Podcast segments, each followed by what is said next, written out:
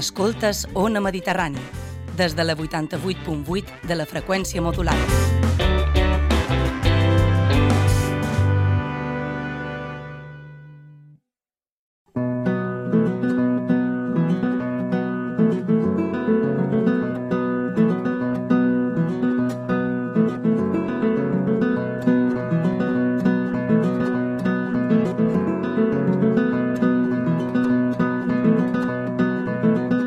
Jai de sa Barraqueta, un programa de jubilats per Mallorca. a Ona Mediterrània.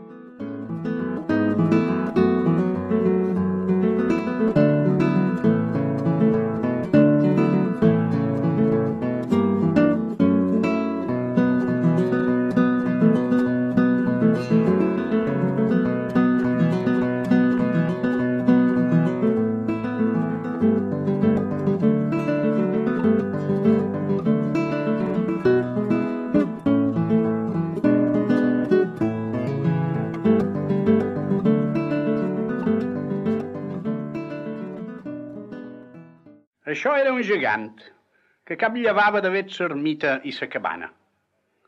Per aquells turons hi havia poc xorrèstic i el pobre patia fam espesses vegades.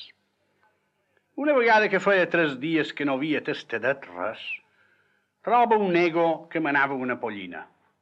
Mira, fa tres dies que he de girar ses barres en el vent.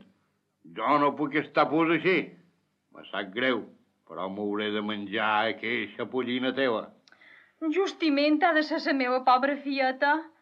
Bueno, per fer-vos el favor eh, hi consent, però m'heu de fer un altre de favor vos. Quant? Ara mateix me sent a la pota en dreta de darrere un esterrany que me fa estar mal a pla ferm. Ara, a veure si el matreis, i llavors ja vos menjareu la meva fiona, que desig que vos faci bon profit.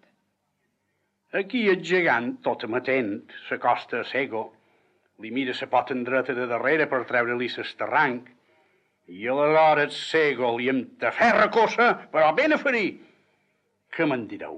Ell li aplegà tan bé sa cara en el gegant que li senyà sa ferradura i el tirà d'esquena en terra tan llarg com era.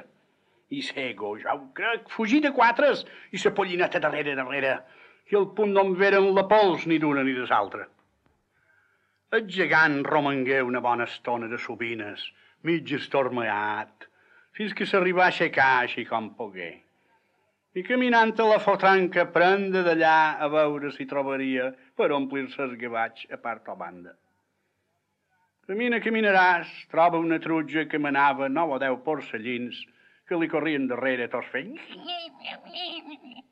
Uei, com ara trutja, aquí on me veus, tastaneig de rusca que duc, i estic redecansat de girar ses barres en el vent. M'hauré de menjar tots aquests porcellins i no crec que em bastin per enredonir-me. La trutja, com sentir aquestes comendacions, li vengué ben de nou, com podeu pensar. I tot d'una tingué una idea per desfer-se d'aquell trumfos. I va dir... Escoltau, que porcellins, com veig vos mateix, van massa bruts per menjar-los. Vos ompliríeu la boca de terra i perillaria dur-vos un mal resultat. Per això anem en aquesta bassa que hi ha aquí prop. Vos farem nedar, se faran nets com una plata, i llavors ja els vos menjareu. En el gegant li semblà molt bona la idea, aquella proposta de la trutja. Se'n van en aquella bassa, els porcellins s'hi tiren de dins i ja són partits, neda qui neda. La trutja, en lloc de mirar-se els porcellins, tenia la vista damunt el gegant. I com el me veu descuidat, s'hi arramba i li entaferra estenellada sols de la cama en dreta. Ai, ai, ai, ai. El gegant s'hi va dur les dues mans i s'hagué de seure del mal que li feia. La trutja, tot d'una pega a grunyir. Fent senyen els porcellins de que la seguissin i parteix corrents de d'allà. I al punt no en veren la pols ni d'ella ni dels porcellins. El gegant, així com pogué, s'aixecà i ja fa un partit, coixeu, coixeu, Mira qui mira dreta i esquerra, a veure si finaria res que fos de menjar. Per abordar-s'hi, per espassar-se aquella fam rabiosa que el patxucava a les totes. Camina, caminaràs, troba dins una cloa quatre xots, plens de delit, que feien com que sucar-se de jocs que tenien. Hola, compares xots. De bon toc seré arribat. Tenc una fam que mal se'm pes.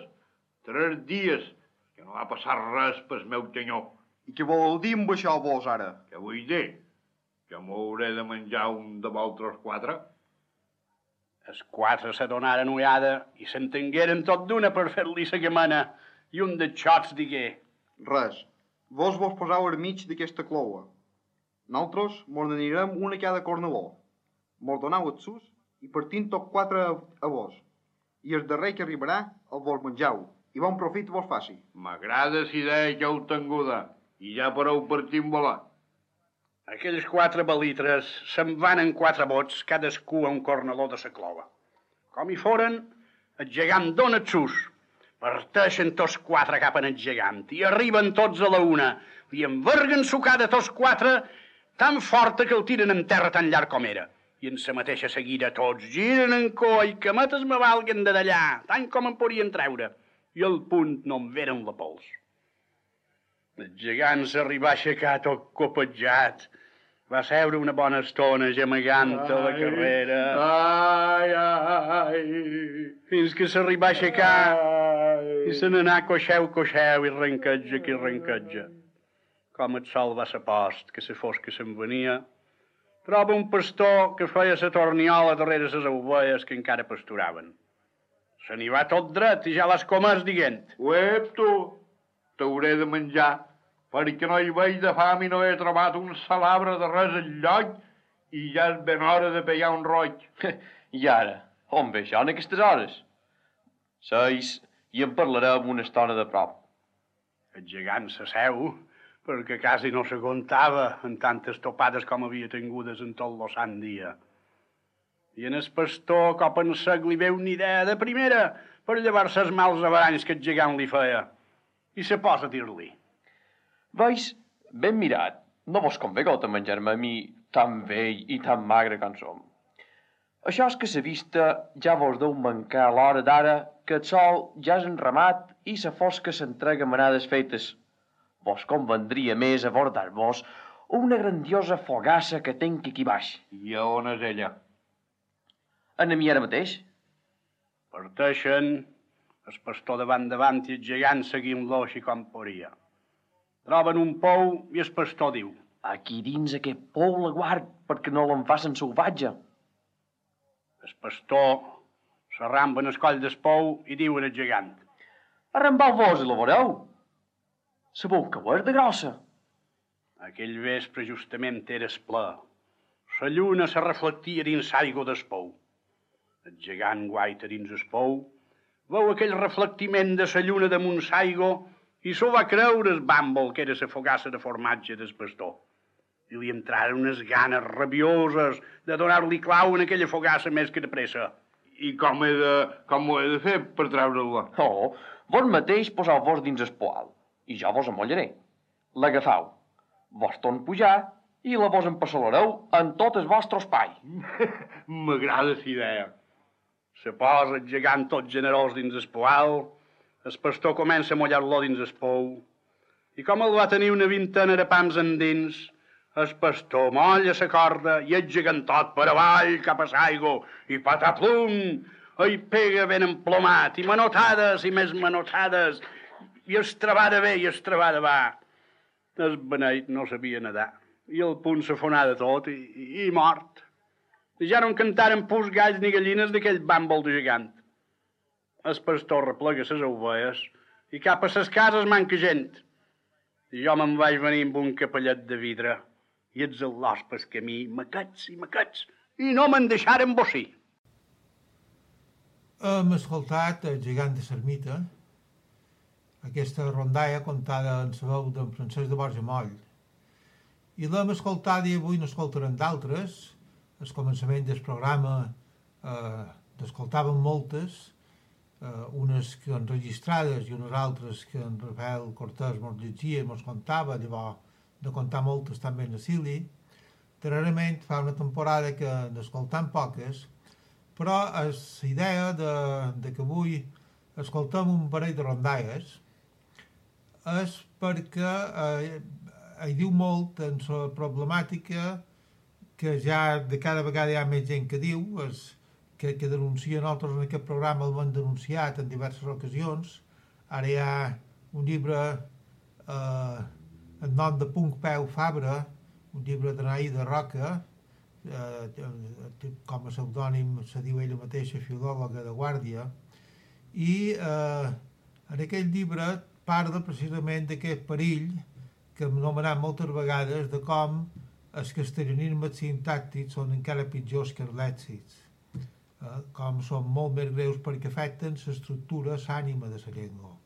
En aquesta entrevista diu Naïda Roca el català no és un dialecte del castellà, no ho és, però si no frenem aquesta deriva eh, sintàctica, aquesta pèrdua de s'ús adequat dels pronoms febles, si no ho frenem i no ho revertim, podria ser que ho arribés a ser.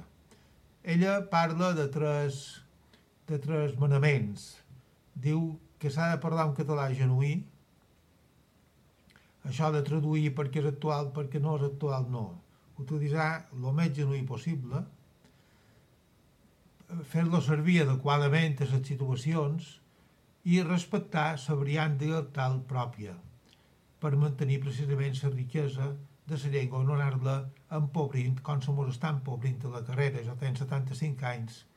La quantitat de paraules, formes, girs, expressions, maneres de pronunciar, de quan jo era el lot que ja han desaparegut, que ja no fa servir ningú, eh, escarrufen, escarrufen molt.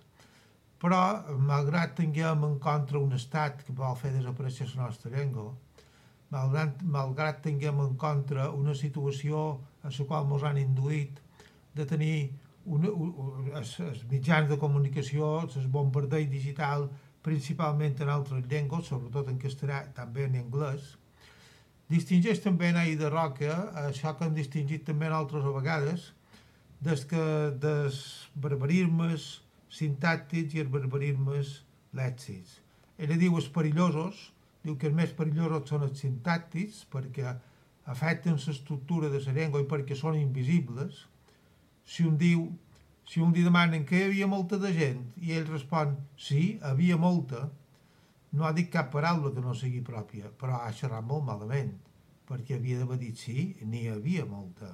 S'ha votat dos pronoms que en s'ús habitual de la llengua toquen a serir que en genuí de la llengua hi són, que quan jo era el lot tothom els deia, eh, i que ara de cada vegada se diu manco. Precisament però, precisament perquè hi ha aquesta situació, i, en, i enllaçant amb això tenim una arma importantíssima. Les rondalles mallorquines enregistrades en la veu d'en Francesc de Borja Moll, les recollides per Antoni Maria Alcobé, són una arma potentíssima. Primera, així com les va recollir en el Cové i així com les van registrar en moll, són perfectament genuïnes. Hi ha ús correcte de totes les estructures pròpies de la llengua catalana. No n'hi ha cap d'incorrecte, no hi ha cap estructura, no hi ha cap in, in, intrusisme d'una estructura eh, provinent del castellà. Ni de l'anglès, però és que de l'anglès, també ho diu Naïda Roca, hi ha influències poc, eh, perills no massa greus, que són els d'èxits. Eh? dir cenicero en lloc de Sanré no és tan greu com deixar de dir els pronoms febles que toca dir, perquè no afecta l'estructura, no afecta l'ànima de la llengua. Eh? I és molt bo de fer tornar a canviar, deixar de dir una paraula que se diu malament. I, i, i passa el mateix en les paraules ingleses que feien servir, que també són un perill, millor no fer-les servir, millor fer servir les pròpies, però són un perill igual que els castellanismes tipus Sanicero, són bons de revertir. En canvi, allò que afecta l'ànima de la llengua, que és l'estructura sintàctica, o la pronúncia correcta, no tenim per què haver de perdre a Mallorca i Menorca, que s'havia conservat beníssim, la distinció entre la B i la V, la B alta i la B baixa, a l'hora de pronunciar, i que és una riquesa fonemàtica extraordinària, i per què s'està perdent ara que els joves cada vegada el distingeixen més poc, si quan jo era el lot se el distingien perfectament. Mos pareixia, jo m'apareixia impossible que qualcú no el distingís i ara resulta que no el distingeixen. Totes aquestes coses que hem anat perduda, per, perdent, hi són, a les rondalles. En moll sí que fa la distinció, en moll sí que ho van registrar ben enregistrat, en, en sí que va fer servir unes estructures que eren les que havia servit, les que havia fet servir Antoni Maria Alcover, unes estructures correctes, unes paraules, un lèxic correcte i una pronunciació correcta. Tenim aquesta, aquesta, aquesta arma defensiva extraordinària que l'hem de tornar a fer servir.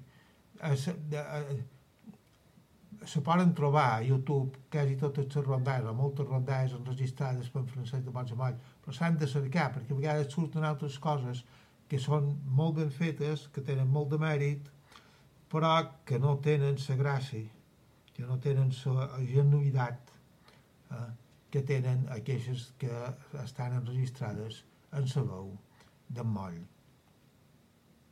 Dic que per això, precisament perquè, perquè tenim aquest tresor, avui n'escoltarem diverses de rondalles. El gegant de l'ermita que hem escoltat ara és una rondalla que en els nins petits els sol agradar molt, eh, en els nins de 7, 8, 9 anys els sol agradar molt, eh, i per què no, per què no posar aquestes rondalles en els nins? Per què haver de posar sempre eh, coses amb altres llengües, en anglès o en castellà, tenint aquestes rondalles. Evidentment, ara ja tot l'audiovisual que estira molt eh, i que eh, estaria bé que aquestes rondalles que ja tenim enregistrades en la veu d'en Moll es convertissin també en pel·lícules, es convertissin també en audiovisuals, així per això ja és qui s'hi posi ja ha de tenir recursos i ganes de fer-ho i eh, si haurien de posar les institucions públiques, si hauria de posar el govern Balear, el Consell de Mallorca, si haurien de posar en aquesta tasca, però poca cosa podem esperar. Poca cosa podem esperar perquè fins i tot quan dels darrers 20 anys n'hi ha 16 que han governat els que en teoria són dels nostres, els governs dels pactes de progrés, han continuat reculant tant lingüísticament com en continuar reculant territorialment, mediambientalment. Eh? El, el grup ja sabeu que Terra Ferida ha fet un tèntol, diuen ells, s'ha aturat d'actuar perquè jo crec que estan cansadíssims de fer-hi una feinada tremenda, feinada completament voluntària, sense guanyar-hi cap cèntim, posant-hi de la seva butxaca, i veure com aquells que en teoria són dels nostres, que en teoria són ecologistes i defensors de la llengua pròpia de les Illes Balears, etc etc etc, quan arriben a governar, poca cosa fan a favor. No sé si podrem aconseguir que canviïn, que se posin a fer coses a favor, o si continuaran reculant de mala manera. M'ha agradat molt a més a més perquè en la ida de roca aquesta veu que respectar la variant dialectal pròpia és una manera de mantenir la riquesa de la llengua. I és una cosa que hi ha, per desgràcia, gent que no ho veu, que no ho veu clar, que està massa, massa influenciada pel posicionament oficial francès i, i, i espanyol en general de valorar molt les eh, formes estàndard que són necessaris, sense cap dubte són necessaris, però que, com molt bé deia en Vicent Aracil, eh, malament estaria que les formes col·loquials guanyassin el combat a les estàndard, però també malament estaria que l'estàndard guanyés el combat a les col·loquials. Deia que per la salut de la llengua convenia que aquesta, aquesta tensió entre col·loquial i estàndard se mantingués i continués existint i que, i que no acabés guanyant la guerra cap dels dos bàndols perquè si per una banda l'estàndard garanteix mantenir la unitat de la llengua. Per altra banda, el col·loquial garanteix mantenir la riquesa i la productivitat de la llengua. Ara, després d'aquesta espècie de sermó que vos estic fent, n'escoltarem una altra de rondalla. Escoltarem la rondalla d'en Pere Grí, eh, també en la veu d'en Francesc de Borja Moll, llavors es passarem a la publicitat i llavors tornarem a estar amb altres. Fins d'aquí una estona, idò, escoltam la rondalla d'en Peregrí. Això era un home casat, amb un xinxer d'infants i molt afectat del sascolzo i escorxar moixos. Havia nom en Peregrí. A sa comare li passà per l'escudeller d'entregar-se a Can Pere amb un altre bigarniu. En es batià foren ses raons, perquè no trobaven ningú que volgués a sa padrí. Justament el rei i la reina passen per allà i els arriba ses orelles. I el rei diu... Ja ho serem nosaltres. Varen a ser padrins el rei i la reina i donaren una doble de vint per home en Pere perquè sa dona tingués bon servici i fessin així mateix una mica de refresc, amb una condició, que ell només podia buidar una tassa. Aquí l'home trascà totes ses botigues, cerca qui cerca tasses grans. En troba una que n'hi cabia una lliure favorida i la sacala ben al reset d'aigordent. No vols dir res sa meula que plegar. No li bastaren dos dies per fer-li sa pell. Com ho sabé, perquè no donàs mal viure sa dona, el desterra mo. Però sa dona al punt no pogués estar plus de tant que l'enyorava. I a la fi digué. Ja sé què faré. Me'n vaig a cal rei, de cot descuit li prenc sa mula millor d'escotxo. La mammen dins espinada son serra d'artà, que no té fi, i li deix fermada llargueta que pugui pasturar així mateix. El rei la farà cercar. Ser darreres que tindran d'anar a son serra. Jo llavors aniré a dir-li que en Pere meu la trobaria. El farà venir i així tornarem a estar plegats, que posta mos casaren per estar-hi. Així com la sabia pensada, la va fer. I va endevinar. Tots els criats del rei, cerca qui cerca sa mula, uns pels plats, altres per sa muntanya, però mai anaren a pensar que de ciutat se fos espitxada a son serra d'Artà. La dona d'en Pere aleshores se presenta al rei i li diu Senyor rei, en Pere meu li trobaria sa mula.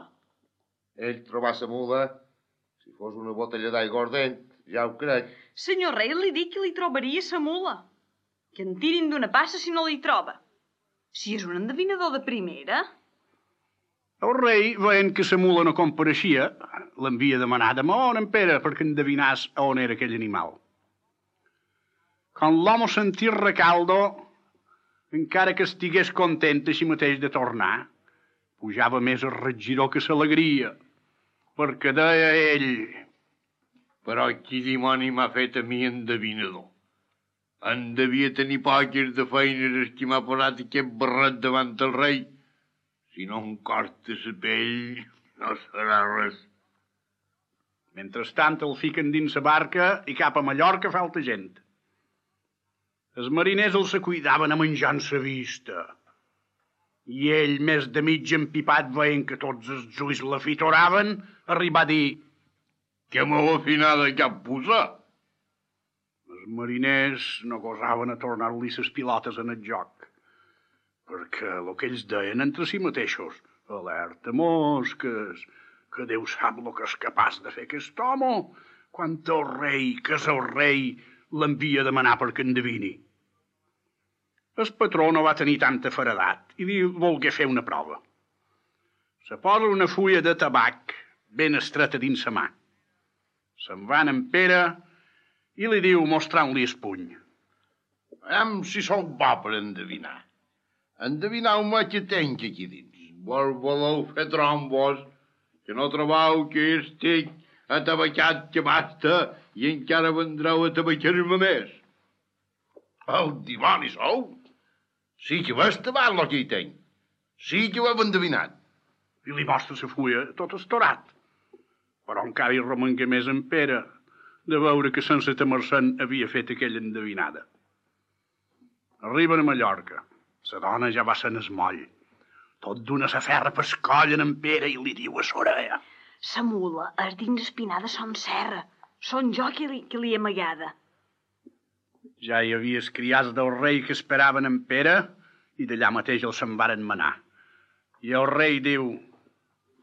Ada, Pere, Veia monet sa mula. En Pere se posa a pensar, gratant-se esclotell, i un cortesà li diu No saps, tu, que davant el rei no se graten, i jo, si no m'ho puc gratar, no sabré endevinar.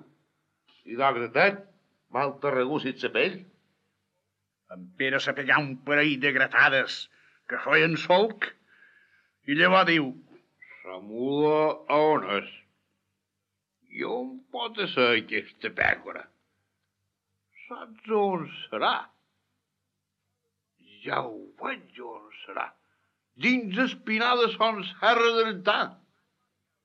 Hi van els criats del rei i ja ho crec que la trobaren fermada pastura qui pastura. El rei quedà tan content i agraït que donà un bon grapat de dobletes de sis lliures a sa dona, que era més bona guardadora, i a ell el fa romandre a la casa per endevinar el que fos necessari. L'home estava cau el rei, ben menjat i ben begut, però no li deixaven tenir cap del bé perquè no en fes de set seues per dins tavernes així vius. Des cap de temps, a la reina li descompareix un anell tot d'or i diamants, l'anell de ses noviances. Tres criats li havien fet sauvatge. Tothom cuidà caure mort cercant l'anell i en lloc el podien trobar. El rei a la fi se pega un esclafit submig del front i diu Oh, bèstia de mi! Tenim un endivinador en casa com en Pere i no mos ne servim. El crida tot d'una i li diu Ja veus la tribulació que hi ha dins aquesta casa amb aquest bo d'anell, el dimoni que el trop. Tu que ets el nostre endevinador, és hora que treguis l'estam i mos digues on és. Si dins tres dies no has endivinat, fora cap i coll. En Pere amb aquesta descàrrega quedà sense polsos, més blanc que sa paret. Llavors rompem un sens fi de carretades de llamps i pestes contra tots els qui l'havien fet endevinador i contra ell mateix perquè havia consentit a passar-hi. Mentrestant el posen en capella i aquí ja deixar ses flastomies i esperges i els seus ulls tornaren dues fonts. I heu de creure i pensar que el primer dia un d'aquells criats que havien robat l'anell li hagué de dur menjar. A migdia en Pere pegà quatre bocinades. Al vespre no volgué tastar res. Quan els criats s'enduien a sopar, en Pere va dir Oh, gloriós Sant Brun, de tres ja en tenim un. El criat ho va prendre per ell, sense pensar que el que en Pere tenia era un dia de capella passat. I el criat se'n va corrents a contar on els altres que digueren No hi ha remei. T'ha glapit aquest dimoni. L'endemà toca un d'aquells dos durs dinant en Pere, que només pegà quatre bocinades al migdia. I al vespre no volgué tastar res, sinó que mentre el criat se no tornava va dir Oh, Sant Brun gloriós, de tres ja en tenim dos. No vols dir res amb aquesta, si se va encendre la coa de palla del criat i ben encesa. Se'n va corrents a contar on els altres i vos assegur que los entraren uns torsons de ventre que no eren tot verbes i no feien més que dir Estan perduts, està fet de naltros, mal llamps en ell. L'endemà tocà a l'altre criat dus menjant en Pere. El pobre només pegà una espipallada a migdia i es vespre que havia de voler tastar res.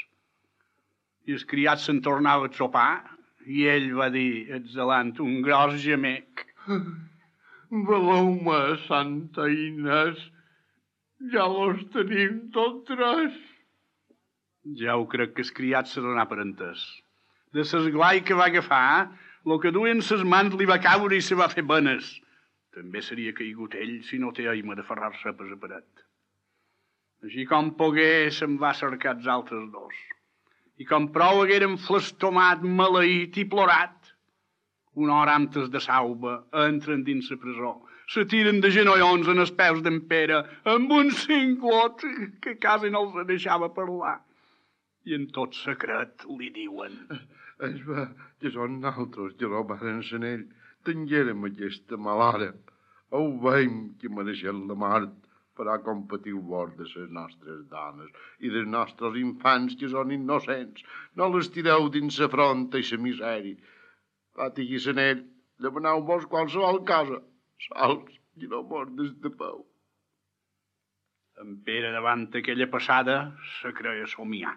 No hi podia donar volta que allò fos bé. Se paupava el cos per veure si verdaderament estava despert o somiava. I se mirava aquells tot espantolat. Fins que la fi diu... No res. Duim una olla de ser del jardí. Li duen soca, agafa l'anell, li afica dins sa boca i l'animal el s'envia. Ara, torneu la vos allà mateix on l'heu trobada i no tingueu ànsia de res, tot s'arreglarà. Sol sortint, en Pere demana per parlar amb el rei. El rei s'hi presenta i diu... Què és? Tu has afinat o t'han de matar?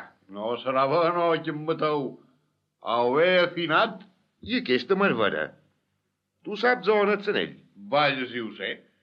Dins el que vaig d'una oca del jardí ets en ell. De que caure la reina i s'animalet el trobar i el s'engolí. Què me dius? Lo que sent. I quin és aquest dimoni d'oca? Que el me presentin totes i li diré. Li anaren presentant de n'una en una totes les oques i en Pere els apaupava el gavatx. Arriba la que li havien fet enviar l'anell i en Pere diu... Aquestes. El rei li fa obrir el gavatx i ja ho crec que hi va fer l'anell de dins. Tothom romanguent sos cabells drets i el rei més que tots. Fa treure en Pere de la presó el nombre s'endevinador major de tot el reinat i envia a sa dona un serró ben ple de durats d'or. Amb aquells cops de lliure, en Pere entrà un poc en si, i encara que estigués ben menjat i ben begut, enyorava sa dona, els infants i casa seva. I feia escuc de s'orella malalta en el rei, demanant-li que la hi deixàs anar.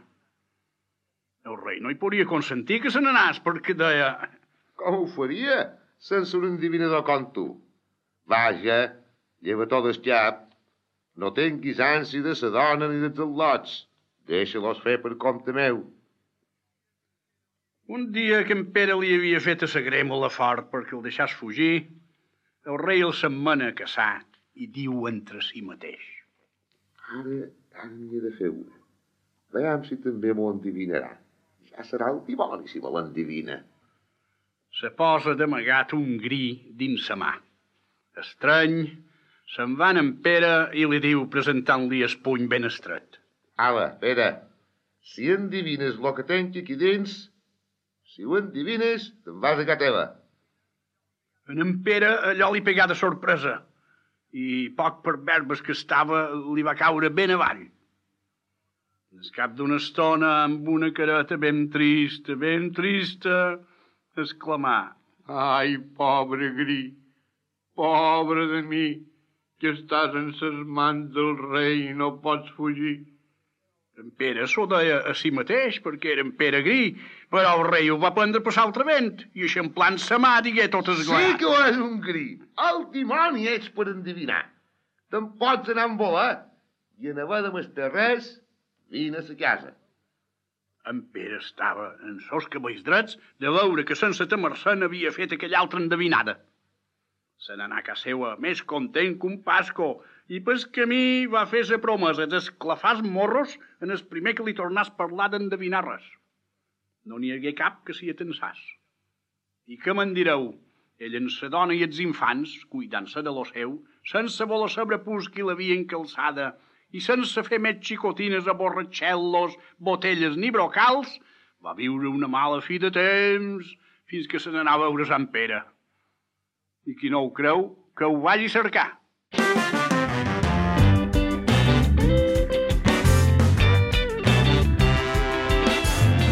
Escoltes Ona Mediterrani, des de la 88.8 de la freqüència modulada.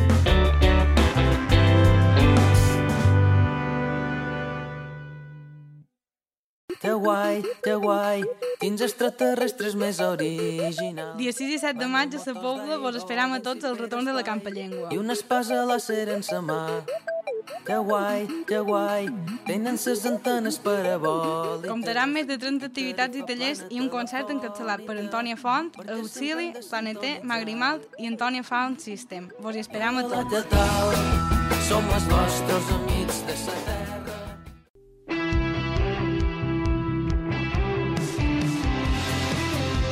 terra. dbalears.cat, sempre obert a l'actualitat i a l'opinió plural. De Balears al teu ordenador, a la teva tablet, al teu telèfon mòbil. Llegeix dbalears.cat.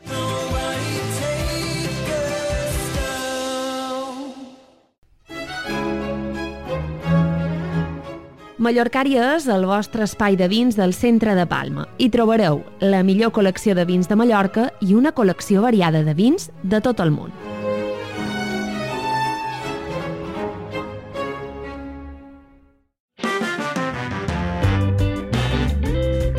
Escoltes Ona Mediterrània gràcies al suport de les persones associades. Ajuda'ns tu també. Associa't. Fes créixer Ona Mediterrània.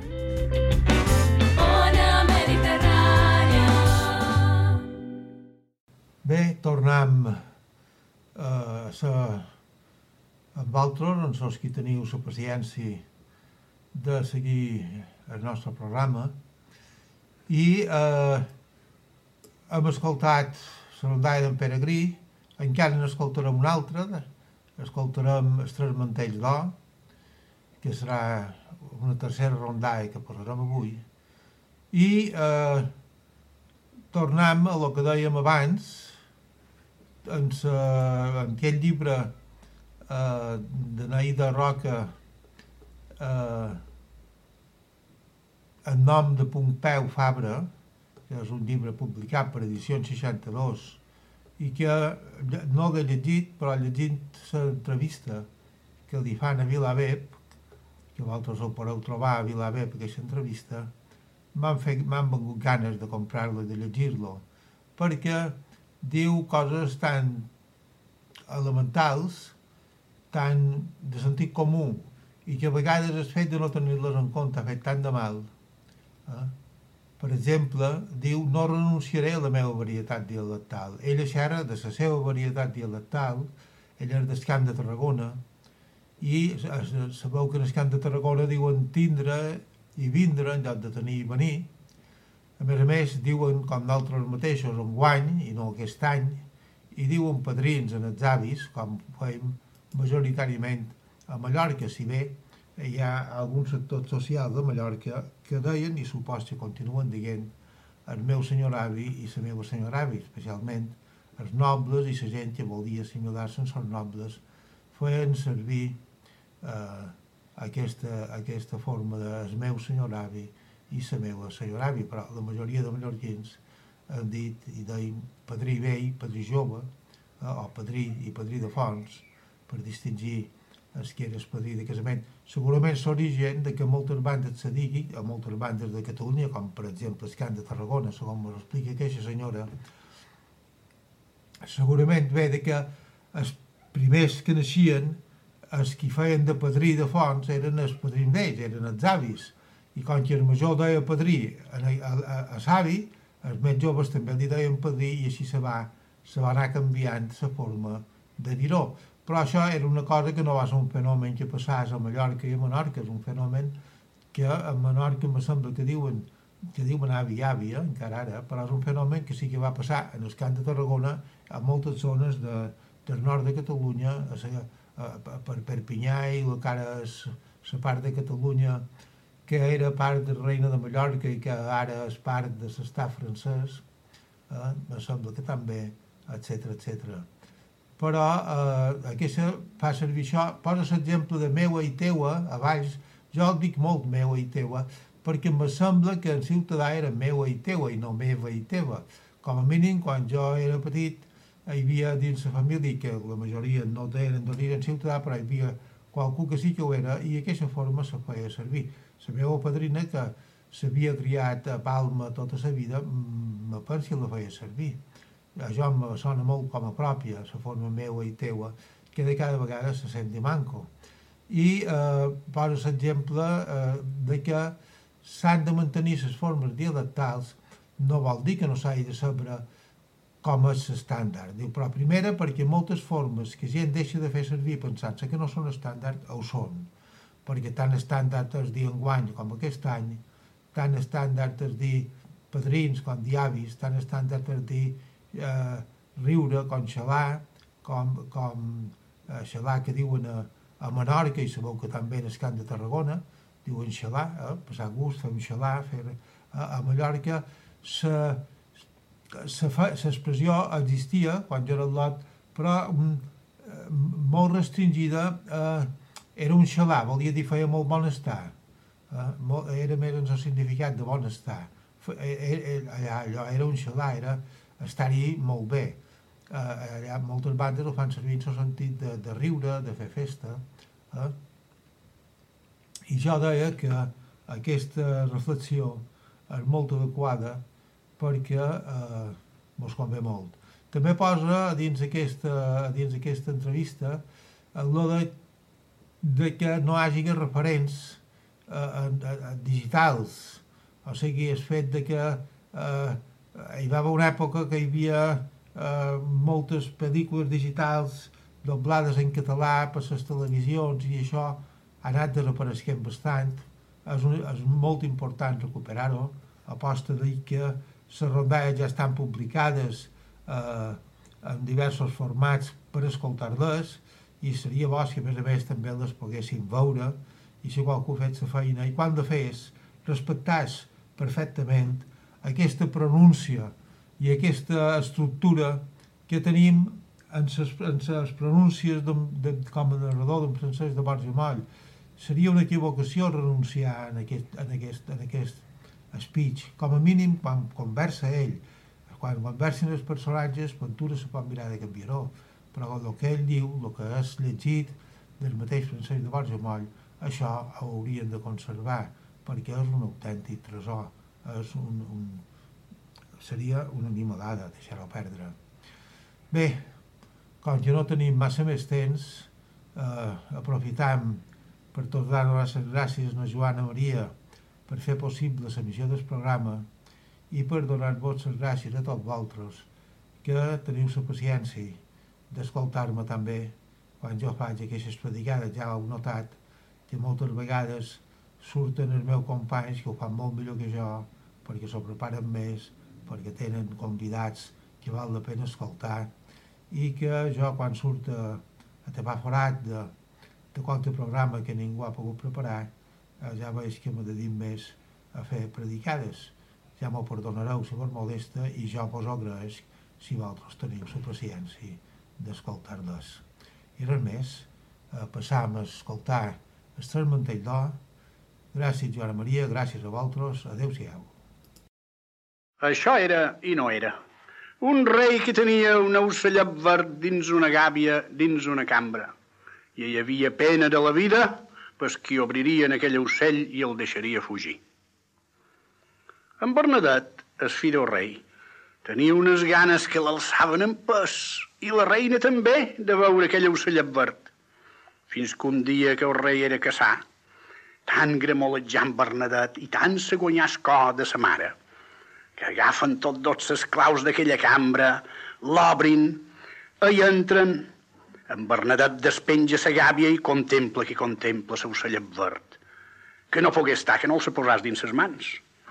Sense dar-se en compte les eixampla un poc, l'ocellet pega en fuita cap a un finestró obert i ja és de fora, i per amunt, per amunt com un estel, i ben aviat el perderen de vista. En Bernadet i sa mare, davant aquella passada, romperen en plors i no hi havia qui els consolàs. Se pegaven en so cap per ses parets, se rebassaven els cabells un grapat en cada mà. El rei ve de caçar, i com sap lo succeït, no en talla pus. Agafa en Bernadet i li diu, perquè ets fill meu, no et faig matar. Fuig més que despressa de davant mi, i la sentència que te fas és que no tinguis repòs fins i tant no haguis trobat els tres mantells d'or. La reina dona en Bernadet un serró de dobles de vint i una bossa en comestibles, l'encamellen damunt un cavall i ja has partit cap a Sol Ixent i de d'allà. Camina, caminaràs i cap en van te faràs. Com feu set dies que caminava, veu unes casetes blanques. S'hi acosta i just hi troba un home. Li demana posada per aquella santa nit. Aquell home li diu que sí, que pot romandre, i el convida a estar amb ell i que les seues feines just serien tenir ment a la casa i fer-li quatre sopes per berenars de matí abans d'auba i altres quatre sopes per sopars vespre, en començar a fer fosca, perquè ell mai dinava allà. Per dinar te faràs el que vulguis. Dins el rebost trobaràs de tot. En Bernadet trobà que li convenia aquella lloga i ell romangué per missatget d'aquell home. De manera que l'amo no hi era mai de dia. Se n'anava de matí a berenat i no tornava fins al vespre per sopar. Passaven el rosari, sopaven i a jeure tot d'una fins al sendemà. L'amo li deixava ses claus de per tot, però sempre li comanava. Pots obrir per tot fora en aquella porta de més endins. El primer dia que l'obriràs, hauràs acabat d'estar amb mi. En Bernadet, la primeria, feia just el que li comanava l'amo. Però arribà a tenir-ne massa ganes d'obrir la porta de més endins per veure què dimonis hi tenia l'amo dins aquella cambra. L'home així mateix se feia fugir d'escap aquelles idees, escalivat com estava despàs de seu cellet verd. Però arribà un dia que no pogué aguantar pus. Agafa sa clau, la fica dins espany d'aquella porta de sa cambra de més endins i se troba dins un grandiós jardí ple de rosers i morteres i tota casta d'arbres de bones olors. Se fica per endins per veure aquella meravella i cop en sec se troba tres fadrinetes com a tres sols, renta qui renta la seva roba blanca com la neu.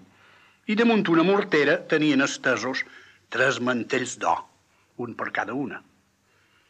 Ell tot d'una s'aborden els tres mantells, però just arribar un perquè dues fadrinetes d'aquelles n'agafen un per home i ja no les veren pus. El mantell que havia agafat en Bernadet era el de la més petita, que ves tirar, però en Bernadet no la mollà i tingué més força que aquella pitjorina. S'aproven un poc a veure qui es tiraria més fort, però aviat la fadrineta va comprendre que en Bernadet li guanyava de massa. I en Bernadet li diu... Escolta, Gerridaia, som fill de rei. Mon pare feu la sentència de que no tingués repòs, que no hi has trobat els tres mantells d'or. Els he trobats aquí, dos manfulls.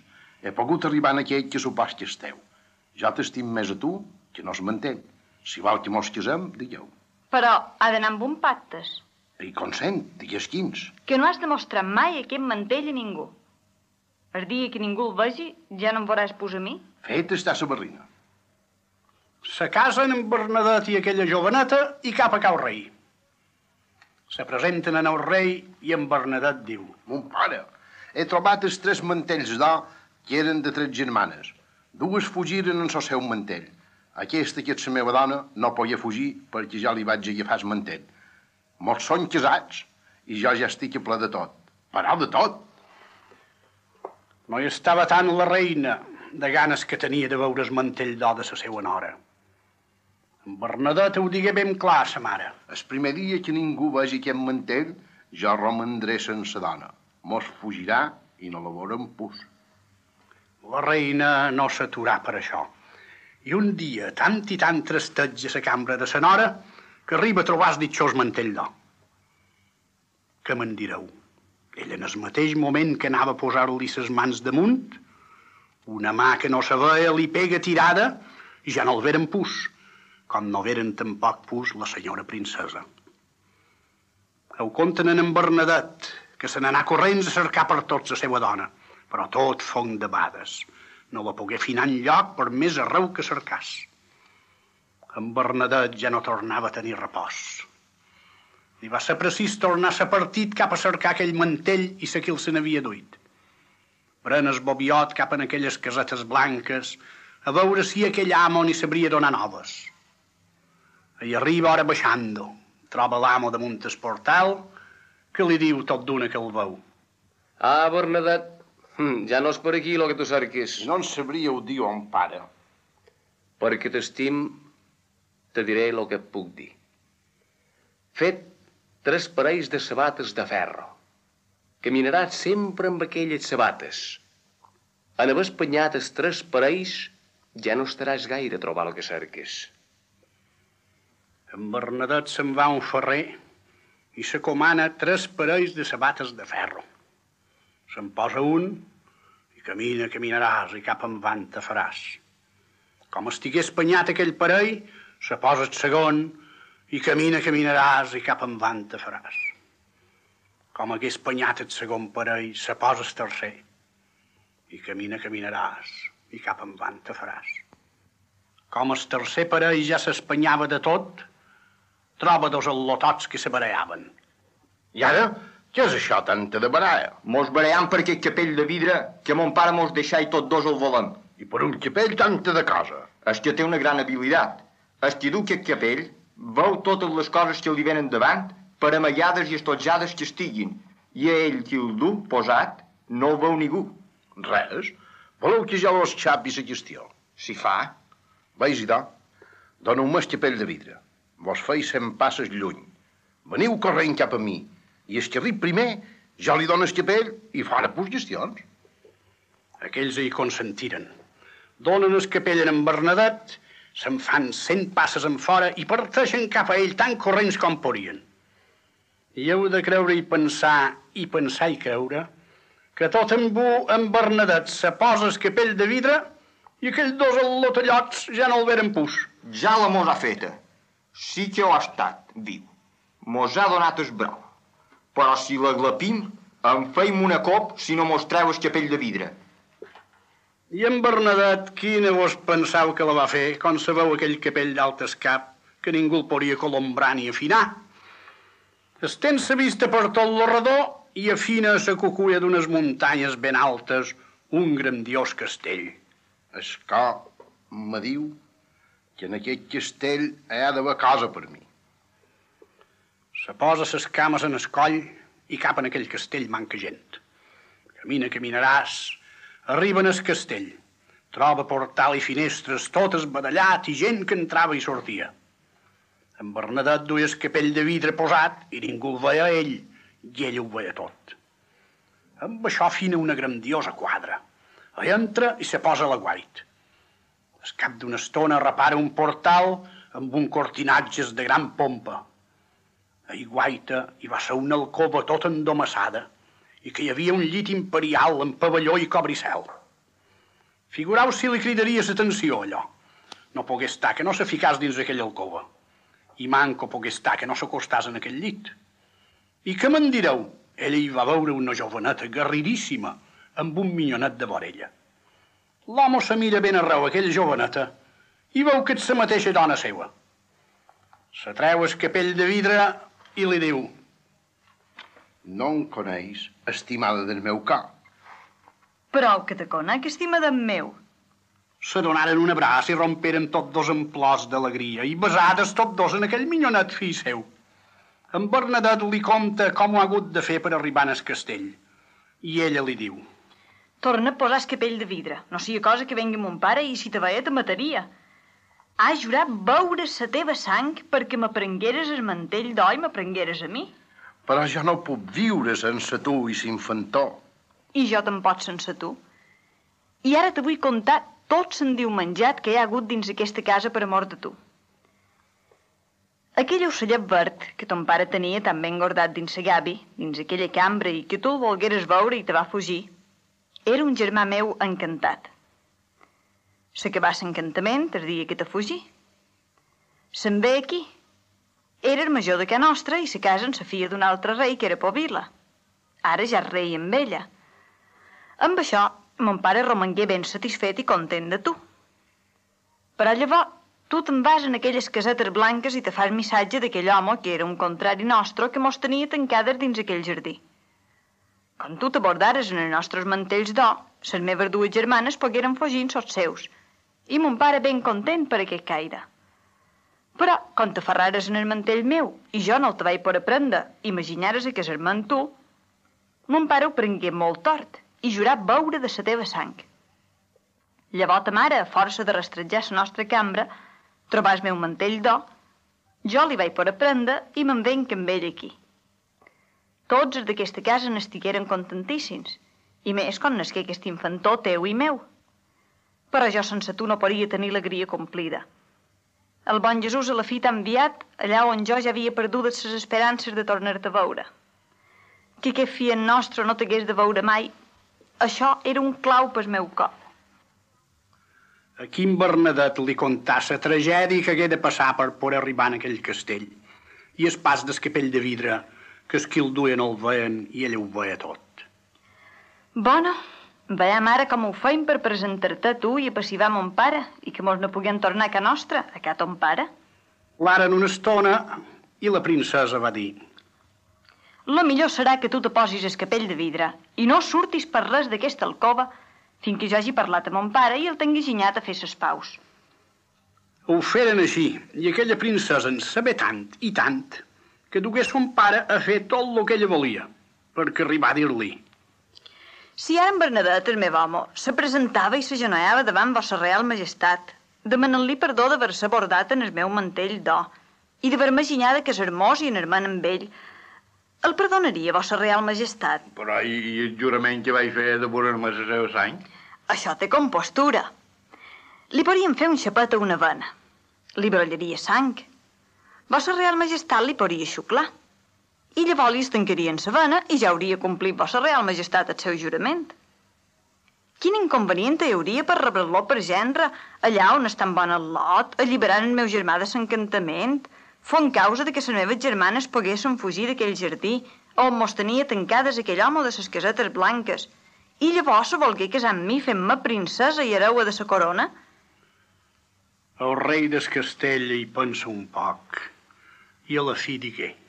Uh, estic dispost a fer quan me proposes.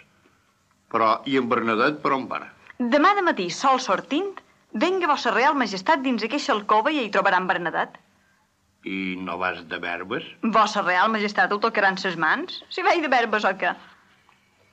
L'endemà, sol sortint, el rei del castell entra dins l'alcova de la seva filla darrere i li troba amb en Bernadet. En Bernadet s'agenoa baix d'ell demanant-li perdó de tot el que havia fet disgustant-lo. Li obrin una vena fent-li un teat, surt un broll de sang, el rei del castell en veu, es tanquen llavors aquella vena, el rei li allarga sa mà, l'aixeca en senyal de perdó i l'abraça, prenint-lo per gendre. L'abracen tots els de la casa i abracen i besen tots els minyonet, fill d'en Bernadet i de la senyora princesa, esposa seva. Fan un gran dinar i un ball ben vitenc per celebrar l'alegria grossa que hi havia en el castell. I des cap de tres dies de festa, la princesa amb en Bernadet i aquell minyó se despedeixen de tota la família, se posen damunt aquell mantell d'or a la princesa que diu Val Déu i Can Bernadet! Prenen sa fua a l'aire i en un instant foren a Can Bernadet. Quan los veren son pare i sa mare cuidaren a tornar beneix d'alegria. Tots s'abraçaren i amb un pan met se mengen a besades el minyonet, que era en Bernadet escopit. I ja vos ho podeu pensar.